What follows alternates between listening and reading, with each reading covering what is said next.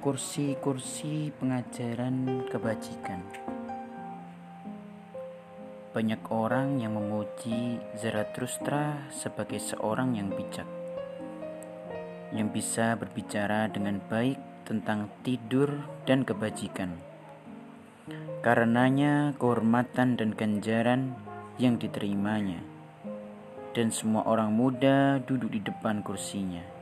Kepadanya Zarathustra pergi dan dia duduk di antara para pemuda di depan kursi itu.